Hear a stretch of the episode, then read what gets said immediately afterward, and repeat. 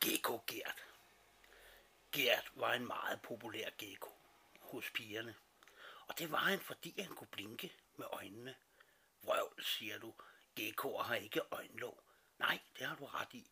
Men Gert havde lært sig at slikke sine øjne på det helt rigtige tidspunkt, så pigerne blev helt varme. Så varme, at de måtte løfte benene to af gangen, nemlig højre forben og venstre bagben. Og når Gert så blinkede igen til dem, skiftede de ben, venstre forben og højre bagben. Og det brugte de så hele dagen på. Nej, ikke hele dagen, for de skulle jo også have frokost. Når Gert var sulten, så gik han ud i ørkenen, hvor der var så varmt, at både du og jeg ville have brug for et helt hav med vand for at overleve. Men ikke Gert. Han var glad for varmen, og de biller, han kunne finde i sandet, knasede så dejligt, når han bed i dem. Og så var de saftige, at han, var de så saftige, at han næsten ikke havde brug for at drikke vand. En gang imellem skulle han drikke, men han kunne nøjes med to dråber, dråber duk fra en plante. Så han drak næsten altid kun om morgenen, for det var der, der var vand på planterne. Resten af dagen var der så knastørt, at hvis han havde sko på, ville der gå ild i dem. Om aftenen så havde Gert en hule under en sten. Der var der dejligt køligt, så nogle gange inviterede han sine pigevenner. Så holdt de fest med et kæmpe billebord og laver på menuen, og de festede til den lyse morgen. Ej, det er lidt liv, for de skulle jo også sove, så, den, så de var friske til en ny dag. Men de gik sent hjem, pigerne gjorde de. Gert var altid glad, især for pigerne, og endnu mere glad for, at han havde lært sig at slikke sine øjne på det helt rigtige tidspunkt. Så når han blev gammel nok, ville han ikke få svært ved at få en kone, som nogle af hans venner havde. For at blinke med øjnene på det rigtige tidspunkt, det er det vigtigste for en gekokert. Frøen Gunnar Grøn Derovre på Amagerfællet er der en sø, og i den bor Gunnar Grøn. Han er en grøn frø. I søen er der rigtig meget vand, han kan svømme i. Men han kan godt huske de år, hvor menneskene havde lukket alt vandet ud af søen. Det var nogle hårde år. Han måtte nøjes med et lille bitte vandhul langt inde på fælden. Og der boede han i ensomhed i nogle år. Langt om længe kom vandet tilbage til søen, og Gunnar begav sig tilbage til sin yndlingssø. Og på vejen mødte han en damefrø, hun hed Gerda, og de giftede sig, og så planlagde de, at de skulle have børn. Og frøbørn er jo haletusser, ved du nok. Frøer passer ikke deres børn. De vokser op uden mor og far. De ligger bare i vandet som en stor klump æg. Så klækker de som små haletusser og begynder at svømme rundt.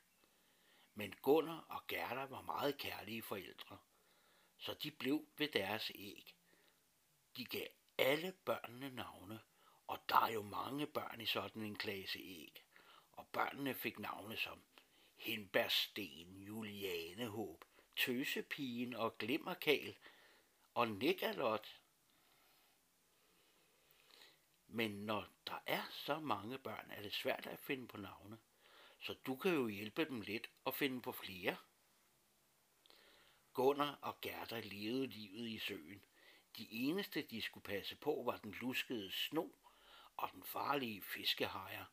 Men alt det ved du jo godt. Det var en fantastisk sø. Der var mad i endeløse baner, masser af plads at svømme på og rigtig mange siv at gemme sig i. Så da børnene blev så gamle, at de svømmede hjemmefra, så havde Gunnar og Gerda kun hinanden at tænke på. Så det gjorde de resten af deres dage.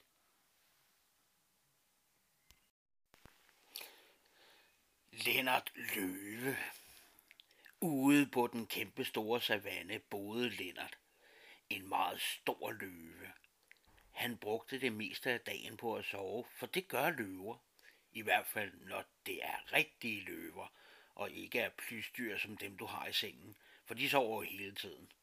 Nå, men Lennart var en vigtig løve. Han havde mange koner, og de var dygtige til at finde mad, både til børnene og til Lennart.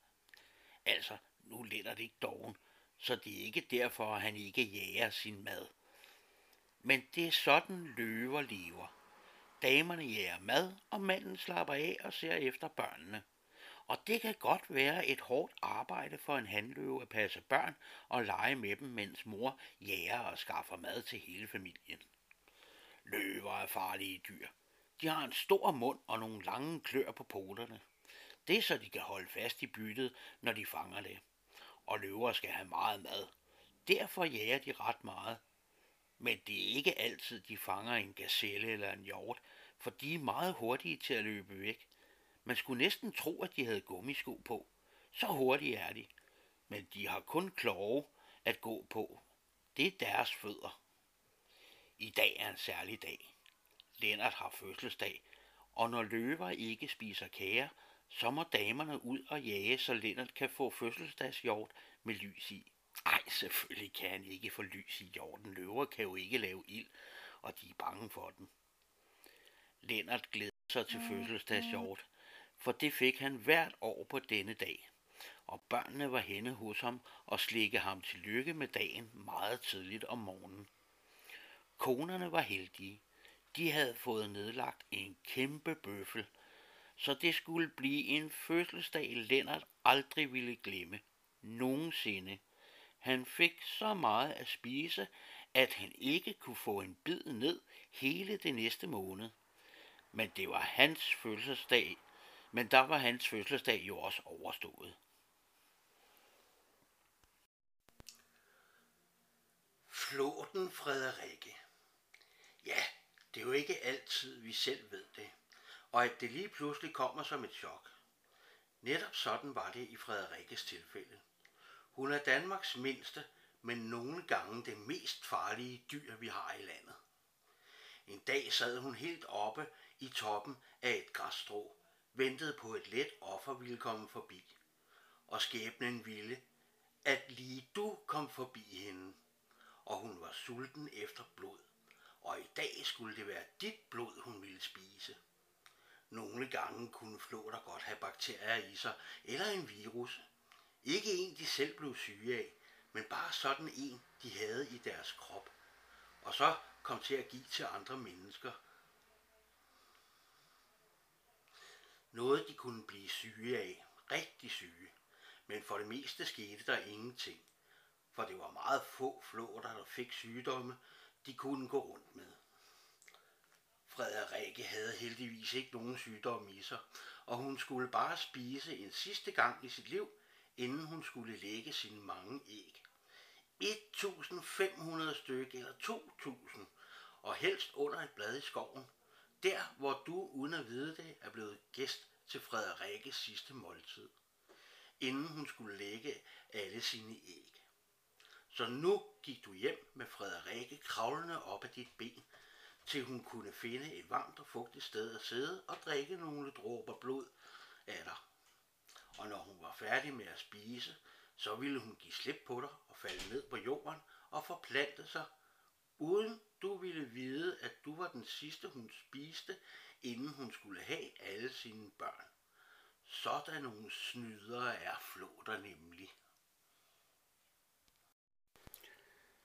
Hej, Heidi Hvidhej Helt nede sydpå, så langt syd du kan komme i verden, dernede hvor kontinenterne ender, i Sydafrika og lidt ude i havet, der lever Heidi. Heidi er en hvidhaj, og hun elsker at spise sæler. Ja, altså først leger hun lidt med dem. Ja, de leger så ikke med hende, men hun kaster sælen op i luften, som om den er en basketball, der skal smides op i en kurv. Når den så er blevet kastet rigeligt rundt i luften, så spiser Heidi den. Når Heidi er mæt, så svømmer hun videre ud i de syv have for at finde noget andet føde. Det er tunfisk, torsk eller rigtig mange sild. Hun kan også godt lide pingviner, men så svømmer hun bare ned til Antarktis, der hvor de bor. Og så får hun rigtig meget mad at spise. Pingviner er meget hurtige, når de svømmer. Det er Heidi også. Nogle gange svømmer hun så hurtigt, at hun ikke kan se vandet hurtigt nok og få alt den luft, hun har brug for. Men så sætter hun bare farten lidt ned, og så tror pingvinerne, de har vundet. Men det har de slet ikke. Lige pludselig er Heidi frisk igen, Så sætter hun fart på, og så fanger hun dem en for en, og sådan bliver Heidi hurtigt midt igen. Tomatfrøen Torsten. Nede sydpå og lidt til højre for Afrika, der bor Torsten på en ø, der hedder Madagaskar. Torsten er en rød frø, lige så rød som en tomat. Derfor bliver han kaldt for tomatfrø. Torsten er ikke særlig stor, han er mere tyk, end han er lang, og alle pigerne er meget større end ham. Torsten kan godt lide at sidde i sin jordhule og kigge ud på hans lille verden, for frøer rejser ikke så meget som mennesker. Men nogle gange, så kommer mennesker og tager frøer med på deres livs længste rejse, og netop det var det, der skete for Torsten. Nogle mennesker kom ind i hans rejskov og ledte efter frøer, de kunne tage med til fremmede lande, der lå meget langt fra Madagaskar. Og en dag blev Torsten fanget af nogle biologer, og de ville have, med, have ham med til Danmark, hvor han skulle bo sammen med nogle andre tomatfrøer i en zoologisk have. Og nu siger du, at man ikke bare må stjæle frøer i et andet land og tage dem med til Danmark. Det har du også ret i, men de her biologer havde fået lov til at fange fire frøer i regnskoven. Så man kunne vise dig og mig, hvordan sådan nogle tomatfrøer ser ud. Det er ikke nogen frøer, børn skal lege med, for de er lidt giftige, og voksne skal have handsker på, når de bærer rundt på dem. Og også fordi de ikke må få sår i huden. Det kan nemlig blive farligt for dem. Hvis du en dag kommer i zoologisk have, så skal du tage ind og hilse på Torsten, for han er en meget smuk rød frø, og hvis jeg ikke tager fejl, så har han også fået sig en kone og nogle børn, mens han har boet i zoologisk have.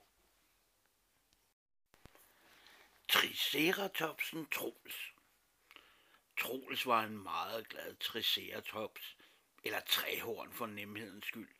Han levede for 65 millioner år siden. Og dengang var der ikke biler og lyssignaler, hvor man skulle passe på. Men der var tyrannosauruser, og de var meget farlige for træhorn. Træhorn var yndlingsmaden for tyrannosauruser.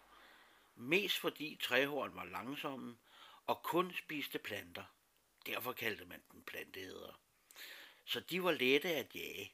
Nå, Troels havde fundet den bedste busk i hele området. Der var så meget mad på den, at han kunne spise fra den en hel uge i træk, og det gjorde han. Men han havde også nogle andre buske, han kunne besøge, så han løb aldrig tør for mad.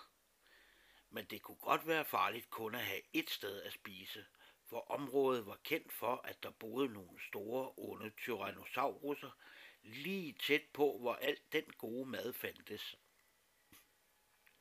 Troels skulle være på vagt, hver gang han, han skulle spise. For ud af det blå kunne Tyrannosaurusen hurtigt dukke op, og når den gjorde det, var det bare om at komme væk. Men når man ikke er så hurtig, for gummisko var ikke opfundet endnu, så må man have et godt forsvar, og netop det havde Troels. Tre lange horn i panden, meget spidse, og dem var Tyrannosaurusen ikke glad for. Den vidste, at sådan nogle horn kunne stikke og lave dybe sår i kroppen. Troels øvede sig i at stange på træer og buske, og han blev rigtig god til at forsvare sig. Nu var Troels så heldig, at han aldrig kom til at møde en T-Rex eller en Tyrannosaurus. For en dag, han stod og spiste sin mad, skete der det, at en kæmpe sten fra det ydre rum, en asteroide, kom susende ned på jorden og med et kæmpe brag landede den i havet, nede ved noget, der hedder Mexico i dag. Og så blev himlen helt sort, og al luften i verden blev fyldt med bitte små støvkorn, og alle dinosaurerne fik dem i næsen, i lungerne og i halsen, og så kunne de ikke trække vejret. Så lagde de sig ned og sov for evigt. Og i dag kan vi finde dem som forsteninger, også med et fint ord fossiler. Og Troels var netop et af de fossiler, mennesket fandt for 100 år siden, og i dag kan du se ham på museum. Du vil nok helst have set ham i levende live. Men hvis han havde været her i dag, så ville der også være tyrannosaurus, tyrannosauruser. Og så ville vi mennesker skulle passe rigtig meget på, for de er farligere end biler og lyssignaler. Så måske er det godt, der ikke findes dinoer i dag.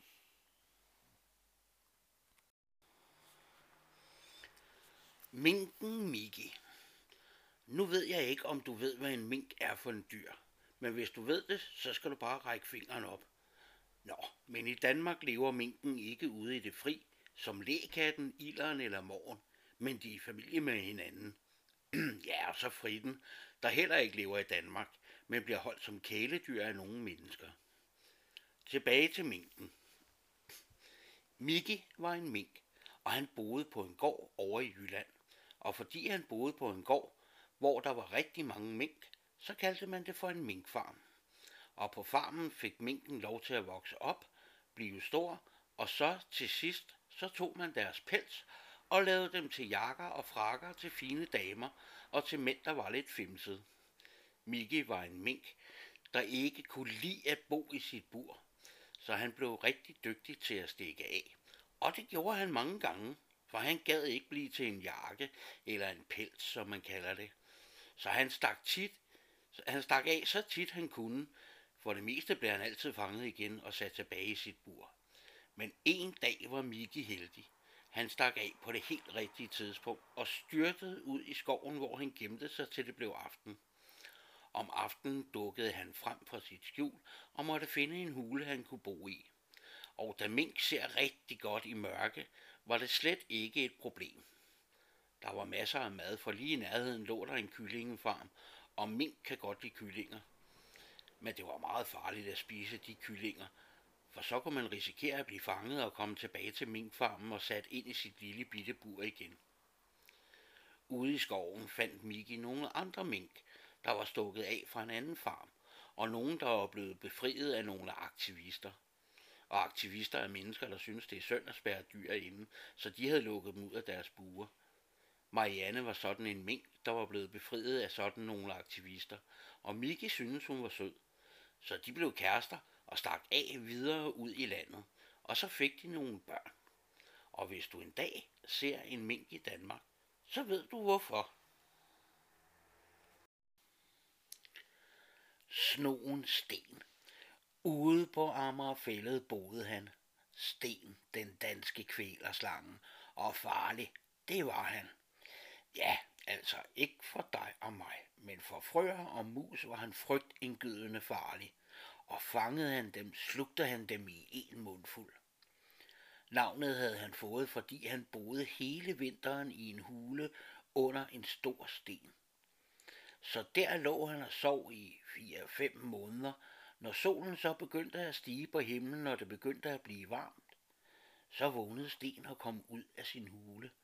Solen havde han brug for, for at holde varmen. Sten kunne jo ikke tage varmt tøj på som dig og mig, for han havde jo ikke nogen arme. Og han ville jo også se mærkelig ud med arme.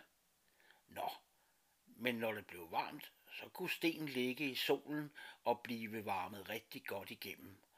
Og når han var varmet op, så var han nærmest en racerbil. Så var han hurtig at kunne fange frøer på 0,5. Og Sten kunne også svømme, men kun brystsvømning. Han havde engang prøvet at svømme på ryggen, men der fik han så meget vand i næsen, at han næsten druknede. Så denne tid på året var den værste for frøerne og musene. Frygtede ikke falke, som de frygtede sten, for han var hurtig med at hugge sine tænder i musen og lynhurtigt kvæle den, så han blev mæt. Så hvis du ser en slange, der er helt sort og har gule prikker i nakken, så skal du ikke blive bange. Den er ikke farlig. Det er bare sten på jagt. Bananfluen Buster er bedste ben. Jeg er lille bitte, og jeg elsker alt slags sød frugt. Hindbær, blommer, kirsebær og mange, mange flere. Måske du selv kan finde på flere. Min livret er absolut banan. Og det er også derfor, jeg kaldes for bananflue. Hvis du har bananer til mig, så kommer jeg. Og jeg tager min familie, alle mine venner og mine bekendte med til bananfest. Jeg gør der ikke noget, men vi kan altså godt være lidt irriterende, når der er mange af os. Nå, min ven, nu vil jeg flyve ud og finde bananer til mine venner og mig. Måske flyver vi hjem til dig.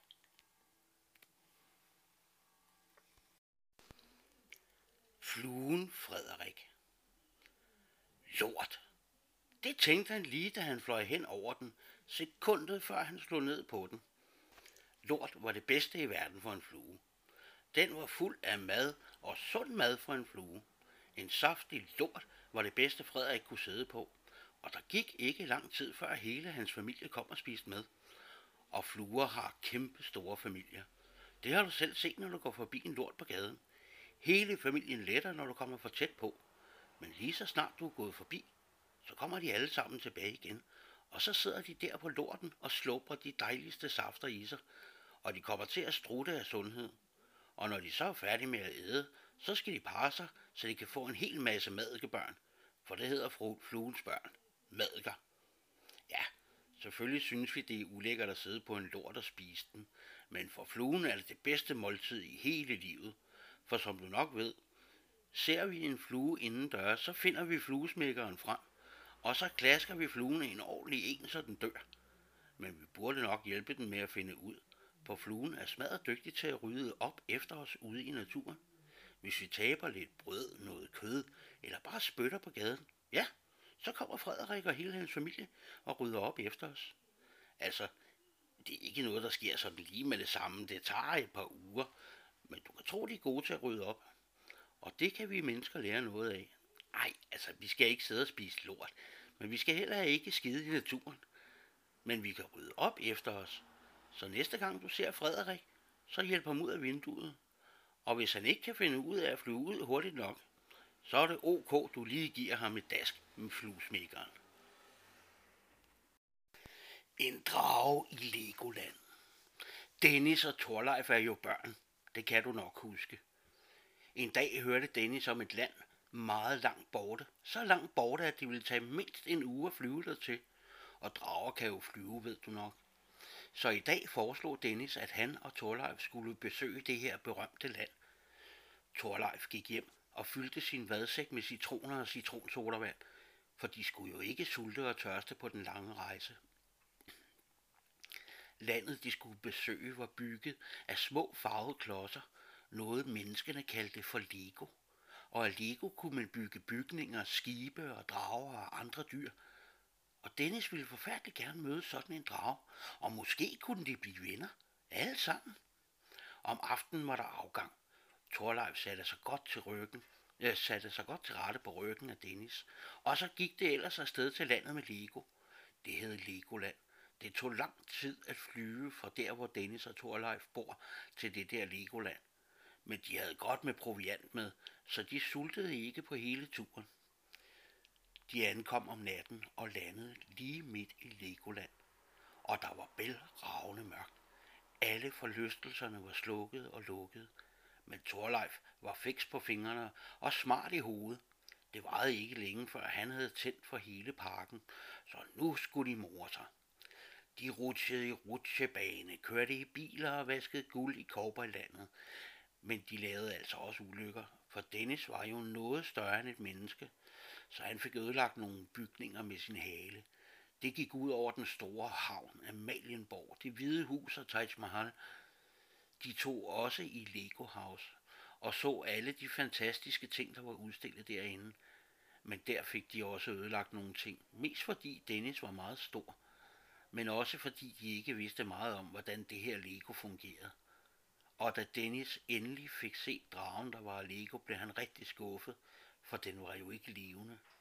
Nå, men de sluttede af med en sejltur i de små både, men de sank. Og køreturen i Lego-bilerne blev kort, for de brassede sammen, fordi Dennis var alt for stor. Det blev en kort tur i Legoland for Dennis og Torleif, for alt var alt for småt og alt for klodset og gik i stykker, når de ville prøve det. Efter nogle timer satte Torleif sig op på ryggen af Dennis, og de fløj hjem igen. Men det var sjovt, så længe det varede. Men ikke et sted for drager og ridderbørn. Men det er et godt sted for menneskebørn og dig. Regnormen René. Det er ikke til at se, men regnormen er en børste altså en børsteorm, og børsterne bruger den til at bevæge sig med under jorden. Den er også et bløddyr, for den har ikke nogen knogler, hverken ribben eller ryggrad for den sags skyld. Men det er den nu også ligeglad med, for den spiser blade og laver dem om til muljord og sørger for, at jorden og planternes rødder får rigeligt med luft. Nå, men regnormen René boede på en kirkegård under jorden, og det værste han vidste var at tørre ud. Så han sørgede altid for at få rigeligt at drikke. René tørstede aldrig, og måske når det var sommer og meget varmt. Men han vidste altid, hvor han kunne få slukket tørsten, for han havde en dejlig familie, der hjalp ham med at finde noget at drikke. Under jorden havde René det godt. Der var masser af mad, fordi træerne altid dryssede med blade, enten når det blæste eller stormede. Men den bedste tid på året var efteråret, for der var der så meget mad, at René gik midt i seng hver dag. Det var også på den tid på året, der var rigtig meget at drikke. René drak og drak hele efteråret, så han kunne lægge sig til at sove hele vinteren. Gå i dvale, som det hedder. Og når det så blev forår, så vågnede René og var klar til at arbejde med at gøde jorden og drikke en hel masse væske. Nogle synes, at regnorm er ulækre og slimede, men de er rigtig gode for naturen. Og det eneste, de skal være bange for, er solsorte, mus, tusser og grævlinge. Ja, og så en hel masse andre dyr. Ja, og også mennesker. Men det er mest fordi vi godt kan lide at tage dem med ud og fiske. Så bruger vi dem til mading, når vi fisker i søer og åer, men det er en helt anden historie. Lige nu har René det godt i jorden på kirkegården, og der bliver han, til han ikke er mere, for regnorm kan blive meget gamle, bare de ikke bliver fanget af et dyr eller gravet op af jorden af et menneske. Mariehønen Maja Marie, Marie med rolle flyver op til vor herre og beder om godt vejr. Det siger I altid, I mennesker, når jeg kravler på jeres hånd. Men for det første, så hedder jeg Maja, og ikke Marie. Og for det andet, så kender jeg ikke vor herre. Og for det tredje kan jeg slet ikke flyve så højt op i luften. Da jeg var en lille lav, så spiste jeg mig midt i bladlus. Og i dag, hvor jeg er næsten voksen, så spiser jeg stadigvæk bladlus, for de er søde og lækre og saftige, og I mennesker er glade for, at jeg spiser dem, for så ødelægger de ikke jeres blomster. Desværre lever jeg ikke så længe, og må derfor spise hurtigt og meget mad på kort tid. For om vinteren går jeg i dvale og sover til foråret, hvor jeg parer mig og laver nye mariehøner. Min fætter, den 22-plettede mariehøn, spiser kun skimmelsvampe. Og det er ulækkert, synes jeg. Du kan altid kende mig og min familie, for vi er mest røde med sorte pletter. Nogle gange har vi syv pletter, og andre gange har vi kun to. Men vi er sindssygt mange i min familie. Flere milliarder. Nogle sommer er vi så mange, at vi samles ude ved kysten, hvor der er køligt, og vi kan få noget at drikke. For vi skal altså også have noget vand at drikke en gang imellem. Og så er vi så mange, at I mennesker bliver helt mærkelige og siger, at vi bider. Men det gør vi ikke, for vores kindbakker er slet ikke store nok. Vi er bare mange og niver lidt i huden, når vi kravler på jer. Nå, men jeg må smule, for nu er der en, der har bedt mig om at flyve op til vor herre og hente det gode vejr. Vi ses til næste sommer. Eller nej, mine børn og dig ses næste sommer. For jeg har jo fortalt, at jeg ikke lever så længe. Hej hej med dig.